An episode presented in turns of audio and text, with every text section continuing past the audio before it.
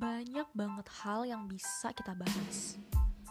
Banyak banget hal yang bisa didiskusikan bersama, tapi ada hal-hal lain yang ngebatasin. Jadinya kita kayak, ya gak punya kesempatan buat ngebahas hal-hal begituan.